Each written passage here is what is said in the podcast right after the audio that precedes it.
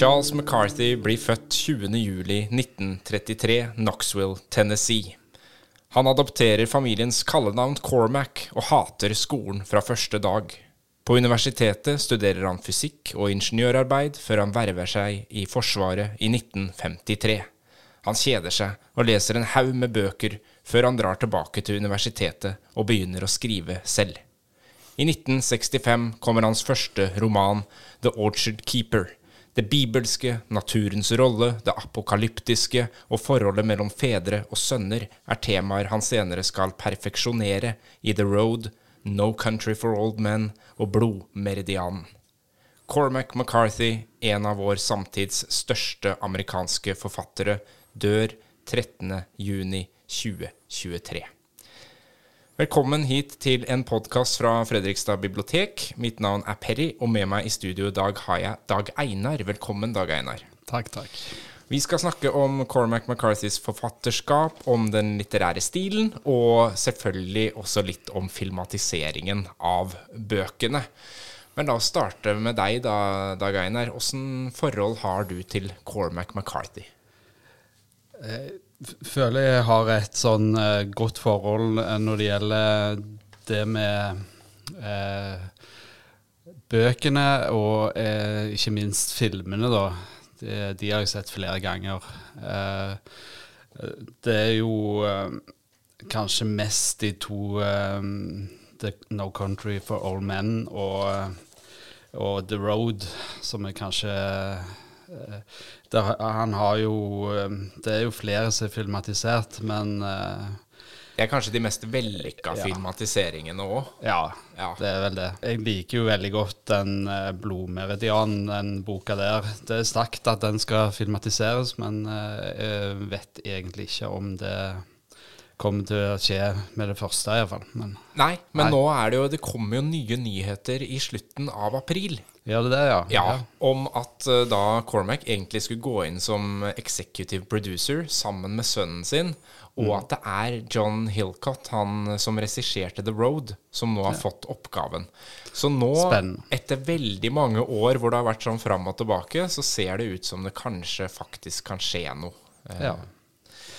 Ja, men eh, sånn eh, eh, når det gjelder forholdet, så er det jo et godt forhold, men det er veldig eh, eh, mørke ting da han skriver om. Men eh, samtidig så skriver han veldig bra, og du får et veldig godt inntrykk av Og han får fram karakterer som er veldig spennende, da. Mm. Mm. Ja, for sånn i litteraturhistorien så må jo dette være Eh, noen av de voldeligste bøkene som på en måte har blitt eh, litterært anerkjent? Ja, eh, det er jo veldig mye vold på overflaten. Og, men samtidig så føler du at han sier noe om det menneskelige, da, tilstanden. Så det, det, gjør jo at det får en dybde, da. Det gjør jo det, og det er jo også liksom noe samfunnskritikk, eller i hvert fall noen samfunnsobservasjoner det kan jo være litt vanskelig å liksom få taket på hva, hva, er det Cormac McCarthy mener? Hvor sto han politisk? Hvordan liksom, orienterte han seg? Ja. Eh, det er jo litt sånn eh, Det kan tolkes i flere retninger, kan, kan du kanskje si. Eh, og det er jo litt eh, eh, Han kan virke veldig liberal i noen sammenhenger, og så veldig sånn eh, gammeldags og konservativ. Ja. Mm. Så det, det ville Vesten, liksom, og det, de verdiene som var da, eh, har han liksom litt sånn nostalgisk forhold til, kanskje. Jeg vet ja. ikke. Ja. ja. Ja, vi følger jo I Blodmeridianen f.eks. så følger vi jo en, en eh, grusom gjeng basert på, på, en ekte gjeng som reiste rundt og skalperte og drepte indianere, da, eh, Native Americans, ja. og jakta dem ned. Um, og, og han bruker jo liksom noen virkemidler der med, som i dag kanskje ville ikke bli godtatt med språkbruken og kallenavn. Han bruker jo liksom nigger veldig mye om for ja. å omtale de. Ja. Ikke bare i dialog, men også Altså, boka er jo skrevet som om det var 1850-tallet. Ja. Veldig sånn eh, Jeg vil ikke si gammeldags, men arkaisk, hadde noen sagt. Mm. Så det er litt sånn bibelske undertoner. Ja. Ja. Og det er jo de store eh, temaene. Det er, no, det er bibelske bilder, og det er eh, eksistensielle temaer. Mye vold. Veldig brutale westernbøker. Um, Vi kan jo starte litt med den tidlige epoken. Uh, altså debuten hans og, og de to bøkene som kom etter, 'Outer Dark' og 'Child of God'. Eh, jeg har lest 'Child of God'. Ja, jeg òg har lest den. Og det er jo en uh, voldsom og brutal karakterskildring. Ja. Og her er vi jo liksom oppe i The Appalachian Mountains, altså de øde fjella i Tennessee, hvor det er veldig store avstander, og folk lever helt avkutta fra, fra omverdenen. Også i Outer Dark så møter vi jo en uh, dame eller en jente som bærer sitt uh, brors barn. Så her er det innavl, incest, og i Child of God så møter vi jo altså en, en seriemorder som i tillegg er eh, nekrofil, da. Som, Ja. har, som har sex med, med et lik. Ganske heavy, ja. Ja, det er Ja. ganske heavy, og det er ganske mørkt helt fra starten i karrieren hans. Men kanskje han utvikla seg litt eh, når det gjelder det, da. At det ikke ble eh, Det ble litt mer nyanser. Men eh, det er jo eh, to av de mørkeste skikkelsene er jo fra den eh, blodmeridianen og eh, Ikke et land for gamle menn eller No Country for Old Men, da. Det Ja. For, Absolutt. For der blir det jo liksom et, et skifte som kanskje starter med den grensetrilogien, med alle de vakre hestene og, og The Crossing og mm, byen på uh, steppene, vel. Hvor han begynner å bruke liksom landskapet. Der, der flytter han seg jo fra de øde fjella i Tennessee og ned mot grensa eh, mellom Mexico, eh, sør, altså Texas Sør-USA. Ja. New Mexico. Og sånn. Mm. Og det var vel på den tida han også flytta sjøl fra Tennessee og begynte å bevege seg ned i, i varmere strøk, for Ja. å si det sånn. Um, men, men der bruker han jo i stor grad landskapet for å liksom fortelle, drive historien framover. Um, det er nesten en karakter i fortellingene, både i Blodmeridianen og i No Country for Old Men, hvordan man beveger seg gjennom landskap. Ja. Eh, det er jo mye ørken og tørre områder, eh, så, og mye vind, da, kan du si. Eh, så det er liksom Det slites ned, og det blir liksom sånn eh, karrig, da. Det er jo kanskje det som er er litt i stemningen. Men samtidig så har du jo mye eh, Altså når disse karakterene, da, eh, for å nevne han i uh, No Country for Old Men, uh, han le, leiemorderen der, han er jo kanskje en av de mest skremmende skikkelsene jeg har vært borti. Anton Sugar. ja, ja. For en karakter, altså. Ja, og der er vi jo inne på noe. Den evnen Cormac McCarthy har til å skape Mm. både ondskapsfulle, farlige karakterer. Eh, og noen veldig menneskelige karakterer i tillegg, da. Men, eh, Ja. men det er jo det er noen sånne svart-hvitt-eksempler som, som går igjen. Mm. Men la oss dyk, dykke litt ned i No Country for Old Men eh, Ja. først og fremst, da. Det var jo min inngang til Cormac McCarthy, rett og slett, eh, da den filmen kom. Og jeg tenkte Jeg syns det var såpass god film og såpass spennende at da gikk jeg tilbake og leste boka. Ja. Og det, det var den første jeg leste av han, og så har jeg liksom Mm. jobba meg tilbake etter det. Ja. Uh, Men No Country for Old Men, ta oss med inn i den, eh, Dag Einar. Ja, altså eh, Det starter jo med at uh, han uh, Figuren her da som heter Anton Chigur, dukker opp, og eh, han på en måte Det ser ut som han dreper folk eh, uten noe motivasjon i det hele tatt. Og han men etter hvert så skjønner du jo at han har jo på en måte en slags oppdragsgiver, da. Eh, men han har ingen moral, på en måte. Uh, så det Det virker veldig tilfeldig og Ja. nesten litt sånn skjebnebestemt Mm. om uh, utfallet blir å overleve eller å dø. Ja, eh, for det er jo på en måte Han bare Han på en måte liker å bestemme over liv og død, og så Blant annet så tar han jo eh, og slår en mynt opp i lufta og dekker med hånda og spør en eh, eh bensinstasjon eh, Uh, En som står på en bensinstasjon, om uh, han skal si om det er heads eller tails. Mm. Uh, og dette skjønner jo ikke han, da, men etter hvert så skjønner han jo at uh, han begynner å svette og skjønner at dette står om liv og død. What's the most you ever lost Ja. on a toin cause? Ja. ja. Så det, da, da er det litt uh, intens scene, for å si det sånn. Mm. Mm. Og det er, det er jo Joel og Ethan Cohen, altså Cohen-brødrene, som, som klarte å fange Cormac på, på film.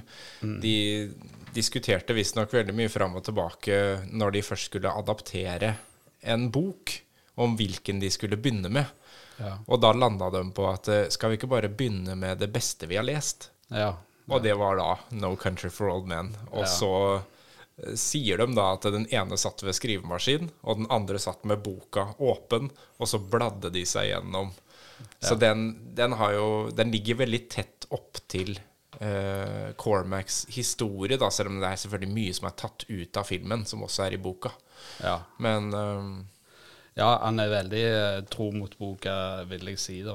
Det er jo eh, Og en annen ting her er at selve tittelen sier jo mye om eh, på en måte det han òg vil si, da, at eh, eh, når man blir eldre, så skjønner man ikke samfunnet lenger. Da blir det liksom en utvikling som går i feil retning, da, ifølge man sjøl. og, og kanskje det er litt vanskelig å forholde seg til, da. mm, man føler kanskje at man har utspilt sin rolle Ja. i samfunnet. Ja. Eh, og så kommer det jo noe nytt og fremmed inn. Altså denne sheriffen da, som er spilt av Tommy Lee Jones, og som har fortellerstemmen i boka. Det er han som på en måte driver boka framover. I filmen så er det mer eh, Anton Sugar på en måte som, er, som vi følger. ja. Men, men han starter jo veldig tidlig med å si at der, eh, før så kunne man liksom se grunnen til at folk ble mordere. Mens nå har vi Nå har jeg møtt på en som tilsynelatende bare dreper uten hensikt. ja. Og er, er det noe nytt på gang i denne verden? Det er jo liksom det store spørsmålet. Ja, det er litt sånn filosofisk, rett og slett. Så ja. Og det er jo det som er litt unikt med boka, tenker jeg at det er, det er jo en thriller.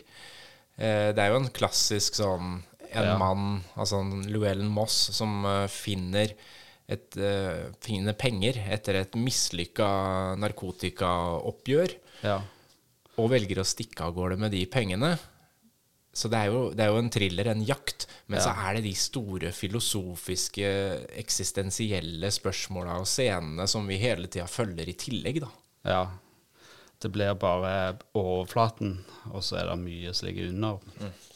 Eh, en annen tolkning er jo at samfunnet eh, forandrer seg, men, så, men det blir eh, brutalt på andre måter enn på overflaten, kan du si. Altså, det er ting under som eh, gjør at folk eh, sliter, da. Eh, ikke nødvendigvis eh, sånn som det var i Ville Vesten, der det var veldig sånn brutalt her og nå. Mens det er andre ting som det Ja, samfunnsstrukturene, på en måte. Ja. Ja. Og der er vi jo inne på det konservative med Cormac igjen. For i, både i filmen og i boka så sier han jo rent ut gjennom denne sheriffen at jeg tror det begynte å gå til helvete når barn slutta å kalle voksne for sir. Ja, ja. Altså den Når respekten for at de voksne vet best, forsvant, så mista på en måte samfunnet noe. ja. Eh, Så han, han reflekterer jo mye over det uten at man egentlig får noe sånn veldig følelse av om det er Cormac sine ord, eller om det er karakterene sine ord. ja, ja. Så det er spennende. Eh, og så har vi jo det som vi var inne på, da, med hva som er skjebnebestemt og selvbestemt. Uh, at noe det, det ligger jo i flere av romanene hans. Noe er på en måte kommer man ikke utenom, og andre ting er eh, konsekvenser av valg man tar.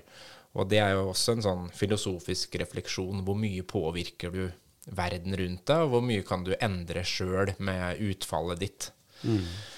Eh, og så har han jo henta tittelen fra William eh, Butler Yates, en Ja. poet fra 'Sailing til Bysantium'. En, et dikt av eh, Yates, eh, hvor han også klager om det her å bli gammel. Og, og løsninga hans er jo å dra da til Besantimum og, og oppsøke et samfunn der. Eh, så det handler jo mye om den overgangen òg. Hvor, hvor ender man som gammel? Og, og det å sitte og vente på døden, på en måte. Ja. Det, det er jo det som eh, Jeg får en følelse av òg at den lille mannen, eller at du, du har jo egentlig ikke noe å si i den store sammenhengen. Det, sånn er det bare. Ja, ja, Ja. Det er, jo, det, er jo på, det er ofte veldig sånn pessimistisk syn på, på verden på én måte, og så er det jo pakka inn da i en veldig rå stil. Veldig mye dialog. Men så har du de veldig vakre, poetiske beskrivelsene av eh, landskapet. Veldig detaljrikt på hva slags blomster, trær som vokser. Altså, han har jo gått virkelig inn i, inn i det amerikanske landskapet og, og det meksikanske, på en måte. Ja. Um, og, og det rike persongalleriet, da. Mm. Hvis vi går til eh, Blodmeridianen, da, så kan vi jo også si litt grann om, om stilen hans. Fordi det er jo en bok eh, nesten uten punktsetting. Altså, det er som en flytende tekst. Så det er ganske krevende å lese det på papir. Jeg har jo, Den må jeg innrømme at jeg har ikke lest den. Jeg har hørt den. Ja, ja. Det er en fantastisk innlesning som ligger på Libby, som er Ja. bibliotekets uh, lydbok for engelsk, engelske bøker. Ja, jeg har nettopp begynt på den, faktisk, for jeg, jeg tenkte jeg skulle høre den. Uh, for det var jo Det var eh, vanskelig å lese, som du sier. Det var, eh, selv om jeg kommer gjennom, så er det liksom eh, eh, Så føles det veldig sånn eh, Når du hører den, så blir du veldig sugd inn i det. Så det er absolutt å anbefale. Ja, det er en fantastisk innlesning av, av den boka. Um, og det må vel være den blodigste boka som er skrevet. Ja, eh, om den eh, No Country for Old Men var blodig, så var denne her ti ganger mer blodig. Ja. Eh, så det er jo Og mye beskrivelser av kanskje litt sånn intense eh, scener der de skalperer folk og sånne ting. Eh, eh, men samtidig så har du jo det der at det der ligger noe bak, og du skjønner at det, dette er, er, er veldig bra skrevet, da. Ja, og så tar den jo på en måte Den forteller jo om hele grunnlaget for Amerika. Ja. Og hvordan man gjennom vold klarte å etablere et uh, samfunn i USA. Og, det, og det, kanskje den historien følger oss den dag i dag. ikke sant? Den derre ultravoldelige måten å bare overta områder på. Det ligger jo hele tida under der. Um, Ja, er liksom sånn over hele verden, kan du si. Ja, helt klart. Og det bringer oss inn på karakterene i Blodmeridianen, da. Og den mest legendariske er jo Judge Holden. Ja. Der eh, Vi følger jo The Kid, altså en navnløs gutt som fra 14-årsalderen rømmer. Og etter hvert blir medlem i The Glanton Gang, da, som var en ekte gjeng som reiste rundt for å, å drepe og slakte Native Americans. Og blant dem så finner man jo også da Judge Holden. Ja.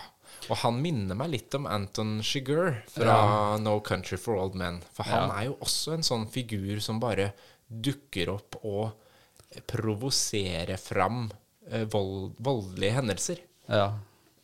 Han er på en måte en uh, uh, sånn uh, type som får fram det verste i folk, da. Ja, bare ved å være i nærheten av ja, han. Ja. Og jeg vet ikke hva han gjør som gjør det, men det er på en måte en Han beskrives jo ganske bra, men det er liksom selve måten han er på, og på en måte Han Han er en sånn eh, trigger for noen, da, Mm. rett og slett. Så Han blir jo nesten en sånn mytisk uh, figur. ja, Ja. han gjør det. Og det, det er jo noen episoder der det blir jo aldri sagt rett ut, men, men man får jo inntrykk av at Judge Holden har vært på utrolig mange steder rundt om i verden. Plutselig så kan han snakke fransk. Han har, han har dukka opp flere steder som man tenker etter hvert Ja, men dette må jo nesten ha skjedd samtidig. Ja. Som gjør at man Altså, han transcenderer til noe kanskje større enn bare et menneske, da. Men det, det ligger jo mellom linjene der, da. Ja. Men eh, det blir jo sagt uh, at han aldri kan dø. ja. Så det er jo noen sånn overliggende filosofiske uh, erketyper som går igjen i Cormac sine bøker. Ja, og bibelsk på en måte som eh, litt eh, overnaturlig på en måte, men samtidig så er det jo eh, reelt. Ja. det er kanskje det at han klarer å finne den kontrasten mellom det litt mystiske og det veldig spesifikt detaljerte. Hvordan han beskriver en voldshandling, f.eks. Man kjenner jo på kroppen når man hører og leser eh, Cormac. Ja. Um, ja, det har blitt kalt en ufilmlig roman, da. Så det blir veldig spennende å se om han nå, Ja. nå kommer til lerretet, og ikke minst hvem skal spille Judge Holden. Ikke sant? Eh, Hvem, ja. er, hvem klarer å være grusom nok?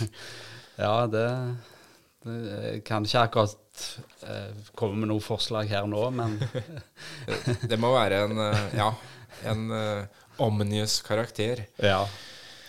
Av uh, inspirasjoner, kan vi si noe om hvem som hvem Cormac McCarthy liksom ligner på, eller hvem han henter inspirasjonen sin fra?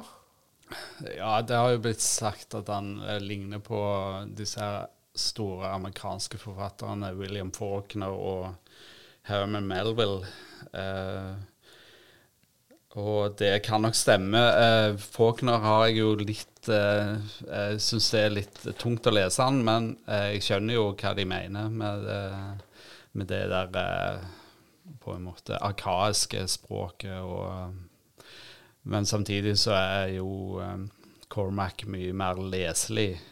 Ja, for jeg skjønte at de, Ja. spesielt de tidlige bøkene blir veldig ofte sammenligna med Faulkner, da. Og da faktisk eh, redaktøren til Faulkner var også redaktør på de tre første bøkene til Cormac. Ja, Så der er det Det er jo noe stilmessig der. Ja. Men eh, samtidig så har du jo Me- Melville med selvfølgelig den store mannen hans som eh, Den hvite hvalen, da, eller eh, Moby Dick, som det heter. uh, der har du jo en del paralleller, kan du si, med den eh, lille mannen og det store havet og ja. eh, en slags Ja. Du kan jo selvfølgelig sammenligne litt med Jeg tenker på Hemingway òg. Mm. Ja. Ja.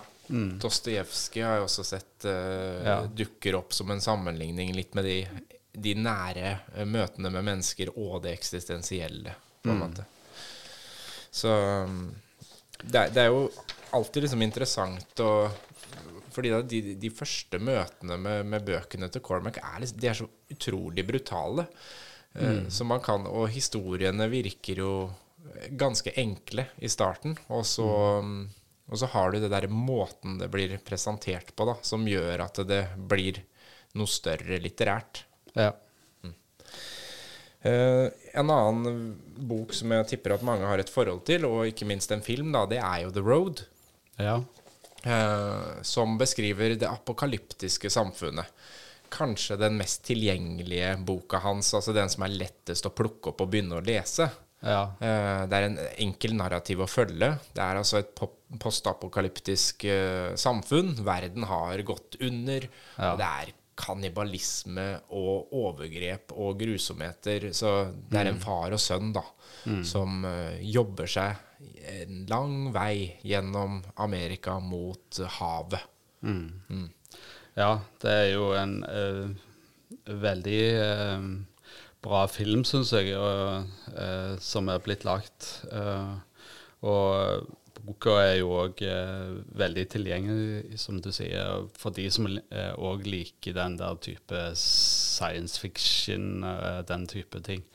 Eh, så det er en veldig eh, eh, Men samtidig så ligger det noe en god del under overflaten her òg. Ja. det gjør jo det. For det er jo Man er inne på science fiction, men det er jo aldri liksom science fiction heller. Det er en, jorda har på en måte gått under, men bortsett fra det så er jo temaene uh, veldig det forholdet mellom far og sønn, da, som Ja. han, han begynte på tidlig i debutboka si 'The Orchard Keeper'. Um, og, og et veldig sånn rørende bilde av hvor langt en forelder er villig til å gå for å passe på barnet sitt, ikke sant? Og eh, i en konstant krisesituasjon, da, Ja. som de er i. Så, Men, men det, er, det er jo kanskje den romanen hvor det er mest håp i òg. Ja. Um, I Blodmeridianen og No Country så er det, det er veldig mørkt. Det er ikke nødvendigvis noe god eh, slutt på ting, og det er det for så vidt ikke The Road heller, men, men det, er liksom et, det er et lys der framme som er mye sterkere enn i mange av de andre bøkene, opplever jeg, da. Mm. Og så har han jo Han rakk jo da, rett før han døde, å gi ut to bøker til. Stella Maris og The Passenger, Ja. som, eh, som vi har på biblioteket nå. Mm. De har jeg ikke begynt på ennå. Jeg har hørt Nei. at det er veldig krevende bøker å lese. ja, det er mulig. De har jo eh, fått gode kritikker, da. Eh, og det, det kan være absolutt verdt å lese. Så uh, jeg tror nok jeg skal sette i gang om en ganske kort tid med de òg. Ja. Det er jo to bøker som henger sammen. da. Det er eh, om et uh, søskenpar som får, får hver sin bok. Eh, så, så de kan man lese hver for seg, men også i en større sammenheng. Litt som Grensetrilogien, da, som, som man også ble veldig kjent for. 'Alle de vakre hestene' og 'Over grensen' og 'Byen på høysletten'. ja. Som Det er jo der han virkelig begynte med de vakre beskrivelsene sine. Jeg syns jo 'Alle de vakre hestene' Jeg vet at veldig mange liker den. Jeg syns han var litt kjedelig, skal jeg være helt ærlig. Jeg liker det mer Det enda råere og brutale uh, Cormac McCarthy. Så jeg, jeg holder en knapp på, på blodmeridianen og No Country. ja. Eh, Må si meg enig der. Ja. Og så har dere to gode filmtips. Både The Road og No Country for Old Men er jo bare å sette seg ned og se på nytt igjen. Og det tror jeg også vil gi enda mer lyst til å lese bøkene. ja. Da skal vi si takk til Cormac McCarthy for et uh, veldig spennende og interessant forfatterskap. ja. Og så skal vi ikke slutte å, å lese bøkene dine.